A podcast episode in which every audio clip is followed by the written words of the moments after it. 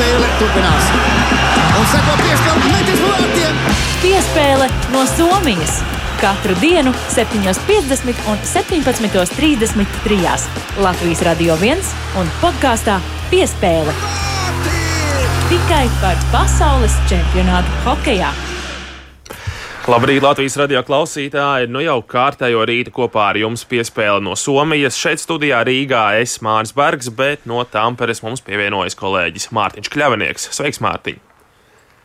Labrīt, labrīt visiem arī šorīt no Tamperes! Klau Mārtiņa, pasaules čempionātā Latvijas izlasēja pirmā no divām brīvdienām, kas šobrīd mūsējām ir kalendārā, bet tas jau nenozīmē, ka izlases nometnē nekas nenotiek un ir garlaicīgi. Tā mēs nevaram teikt. Esam sagaidījuši pirmo pastiprinājumu no, no Nacionālās hokeja līgas. Vakar palīgos ieradies aizsargs Kristiāns Rubīns, un viss ir sagatavots, lai viņš jau rīt varētu spēlēt pret Čehiju. Mārtiņa, ja es pareizi saprotu, Rubīns pat taisno no lidmašīnas kāpa uz ledus. Nu, principā tā var teikt, jā, nu, viņam bija lidojums līdz Helsinkiem, un pēc tam aptuveni divu stundu brauciens automašīnā līdz Tamperei. Viņam pretī aizbrauca ar automašīnu komandas menedžeri. Ralfs, jā, atvainojas Renārs Freibergs un Rudolfs Kalvītis, un abi, jā, atved Rubi, Rubīnu līdz Tamperei, nogādāja līdz Hallei, un tad, principā, uzreiz, jā, kāp uz ledus, jo tur viņam daži lidojumi aizkavējās, viņš, viņam bija paredzēts ielidot agrāk, un arī treniņam bija jānotiek bez 15, 2 dienā. Beig beigās tomēr treniņu pārcēla uz puspieciem vakarā. Nu, tad tas gluži nebija individuālais treniņš, bet daudz ar viņu strādāja tieši treneri. Un, protams, vēl uz ledus bija daži citi hokeisti, trīs precīzāk, bet nu, vairāk uzmanības tieši tika pievērsts Rubīnam.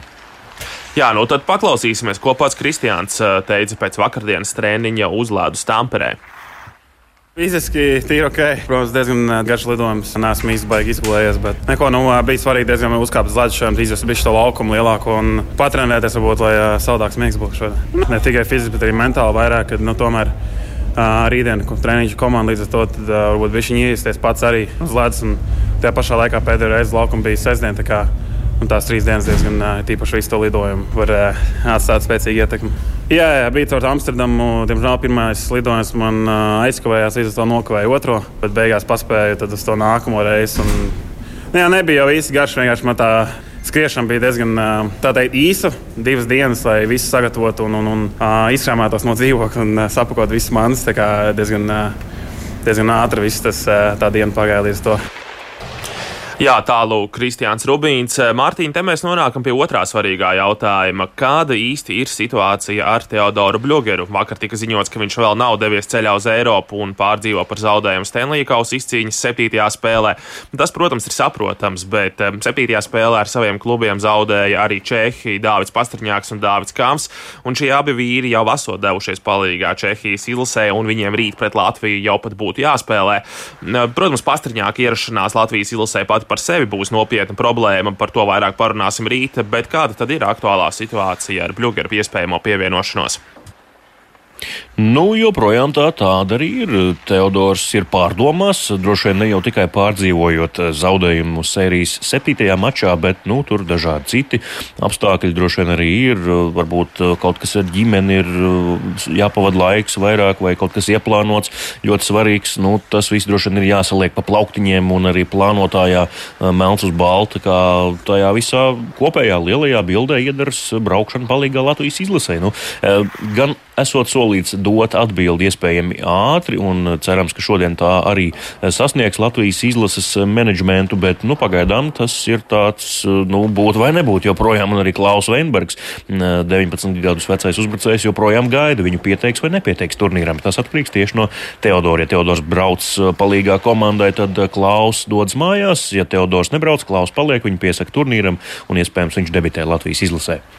Jā, nu tad gaidām Teodora Bļūgera lēmumu, bet vakar sagaidījām pasaules čempionāta pirmo tādu īsto pārsteigumu. Mūsu grupā Austrija pēcspēles metienos apspēlēja Čehiju.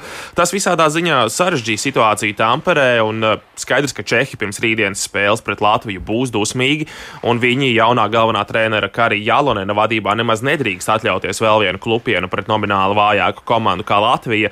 Nu, arī Austrija nu pat kļuva par ļoti nopietnu konkurentu, un Mārtiņa domāju piekritīsi, ka nākamās divas spēles, kas iekrīt tieši pret Čehiju un Austriju, tās Latvijas izlasē ļoti iespējams būs svarīgākās visā turnīrā.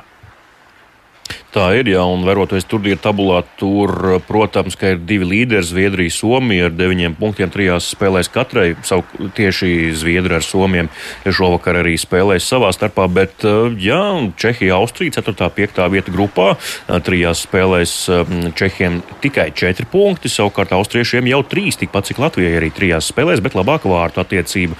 Nu, un šodien Norvēģi spēlēs ar Austriešiem, un cerams, ka Austrieši nepaņems punktus pret Norvēģiem, jo tādi jau tas viss izskatās izskatīsies vēl daudz sliktāk no Latvijas izlases pozīcijām. Nu, jā, šodien jāpievērš uzmanība tieši Norvēģija-Austriešu mačam. Jā, nu tā tad uh, vairākas ļoti interesantas spēles mūsu grupā, gan Somija, Zviedrija vakarā. Noteikti interesants mačs, tāpat arī Norvēģija, Austrija. Uh, Mārtiņa, paldies, ka pievienojies piespēlē no Somijas arī šodien. Gaidām ziņas Latvijas izlases nometnē, un ar to tad arī izskan piespēle no Somijas šorīt.